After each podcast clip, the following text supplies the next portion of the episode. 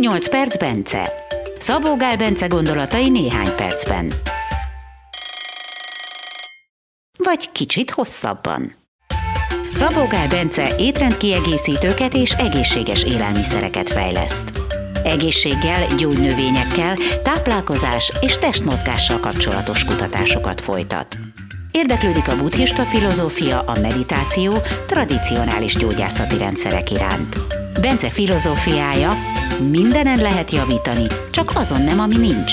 Azt viszont meg kell csinálni. Induljon a következő 8 perc. Vagy kicsit több. 8 perc, Bence. Most egy olyan témát fogunk elővenni, ami mostanában vált divatossá. Mindig vannak új, új problémák, mindig vannak olyan betegségnevek, ami, ami az embert meglepi, és aztán utána először, először csak néha hallja, aztán utána egyszer csak már minden azzal van tele, hogy szerintem milyen a hisztamin intolerancia. Már van hisztamin intolerancia szakácskönyv, rengetegen érvelnek ezzel, orvosok hirdetik, hogy, hogy ők ezzel foglalkoznak. Mit lehet erről tudni? Általában én azt szoktam mondani, mármint ilyen, ilyen ugye hisztamin problémán, tehát ugye élelmiszerekben van ugye ez a hisztamin nevű aminosav származék, itt ugye, aminek van fehérje tartalma, az érés során, ilyen bakteriális tevékenység során így fölszabadul hisztamin.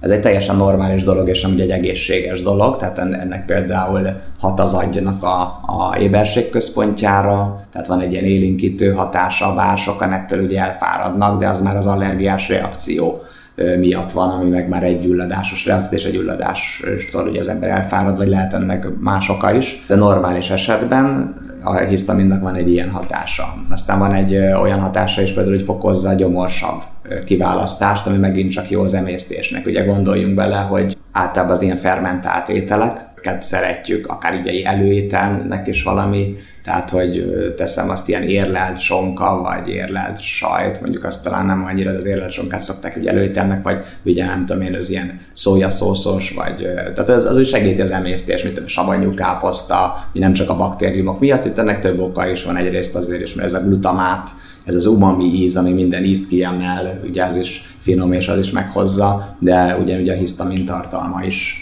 segítheti az emésztést.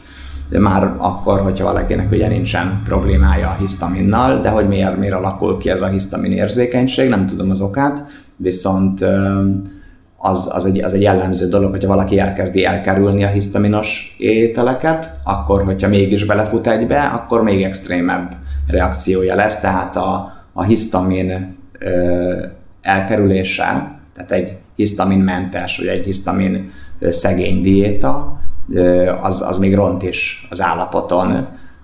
A tüneteken enyhít, de az állapoton végül is ront, mert aztán még kevesebb hisztamináz enzimet, vagy a másik, ez a DAO enzimet termel ugye a, a szervezet, ami hiszen nem kell annyi, mert hogy a táplálkozásomban nincs annyi, aztán megint probléma, de én azt szoktam mondani, hogy, hogy minél több hisztaminos ételt tegyen, akinek ilyen problémája van addig a szintig, amíg nem okoz tüneteket. Tehát ez nyilvánvalóan egy alacsony hisztaminos táplálkozás fog az is jelenteni, csak hogy azon belül próbálja ö, meg, hogy, hogy hol van az ő határa, és csak egy kicsit maradjon az alatt.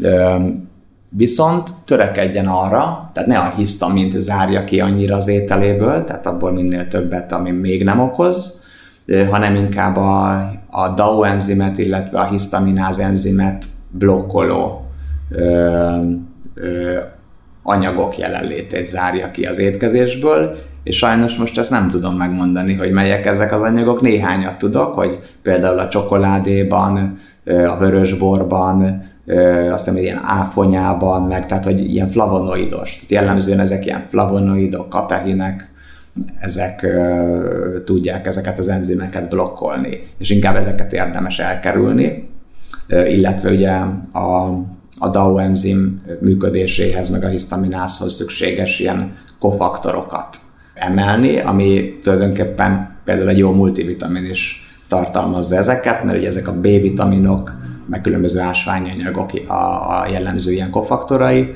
de ezen felül amúgy vannak különböző gyógynövény kivonatok, de a táplálkozásnál végül is annyi, hogy érdemes akkor ezeket a, a, ezeket gátlókat kerülni, és nem pedig magát a hisztamint. Tehát, hogyha most valaki majd utána akar nézni, akkor ugye azt érdemes beírni, hogy DAO inhibitors, natural DAO inhibitors, vagy natural histaminase inhibitors, és akkor megnézni, hogy melyek ezek az anyagok, és mikben vannak. Amúgy azt hiszem, hogy a selfhacked.com van egy, vannak ezzel kapcsolatban írásai a Joe Cohennek. De egyébként beszéltél a glutamátról is. Arról is azt hallottam, hogy van, aki a glutamáttal teljesen kikészül, fejgörcse lesz. Általában a kínai kaják azok tele vannak ezzel. Ez, ez is egy ilyen kerülendő dolog? Vagy a glutamát az nem annyira? Nem, még kifejezetten hasznos is lehet, tehát ez nem olyan, hogy, hogy hát ha, ha valakinek eleve mondjuk úgy működik az idegrendszere, tehát az egy az is inkább egy stimuláló hatású dolog, ez a glutamát. Ez neurotranszmitterként is működik az agyban, és hogyha valakinek bármi miatt ez, ez eleve az idegrendszer úgy működik, hogy, hogy ez az oldal egy kicsit úgy túl, vagy túl eleve túl sok glutamátot termel, akkor neki ezzel lehet problémája, de kis mennyiségben, természetes mennyiségben a legtöbb ember számára ez egy kifejezetten hasznos dolog. Az egy másik dolog, hogy ugye a kínai éttermekben túl sokat használnak, de tehát erről azért azt kell tudni, hogy itt is, hogy, a, hogy ez a glutamin nevű aminosav, annak ugye szabad formája ez a glutamát, pontosabban amikor van sót alkot, és, és utána szabad formába kerül az ugye a glutamát, és ez, ez is megint csak ilyen bakteriális tevékenység során a fehérjék, ugye azok aminosavból állnak föl, amiknek egy jelentős része, talán a leggyakoribb aminosav szinte minden fehérjében az a, az a glutamin szokott lenni, és, és ugye a baktérium az kihasítja mondhatni, és, és itt szabad glutamátot, szabad glutamát képződik. És ennek van ez az umami íze, ami ugye ez a hatodik íz, ami gyakorlatilag nem egy íz, hanem egy olyan íz, amelyik minden ízt kiemel. Hát ez az ízfokozóban Ja, igen, ízfokozó. Na most ezért szeretjük a szerránósonkát, ezért szeretjük a, a érlelt sajtokat, parmezán, ezért szeretjük a, a prosciutto sonkát, ezért szeretjük a szójaszószt, vagy a halszószt, meg ugye ki miből csinálja van. Mert ugye a prosciuttóban is van. Hát bármi, ami érlelt. Minden, ami érlelt. Ezért szeretjük a savanyú káposztát, ezért szeretjük a kovászos uborkát, Aha. ezért szeretjük a érlelt marhahúst. Én arra is gondoltam, hogy nekem, először ez nekem nagyon furcsa volt, mert a glutamát, hát ez, hát ez sok mindenki rosszul van tőle, meg az káros. Tehát tulajdonképpen a glutamát az akkor kezd el problémát okozni, amikor, amikor a kínaiak látják, hogy hát, ú, ez, ez nagyon nagy vízzel sikerült, lapátolják. kettő igen, igen, igen. Értem. De azért csak a rosszabb helyeken lapátolnak bele olyan sokat, egy, egy normális kínai konyhán nem használnak annyit.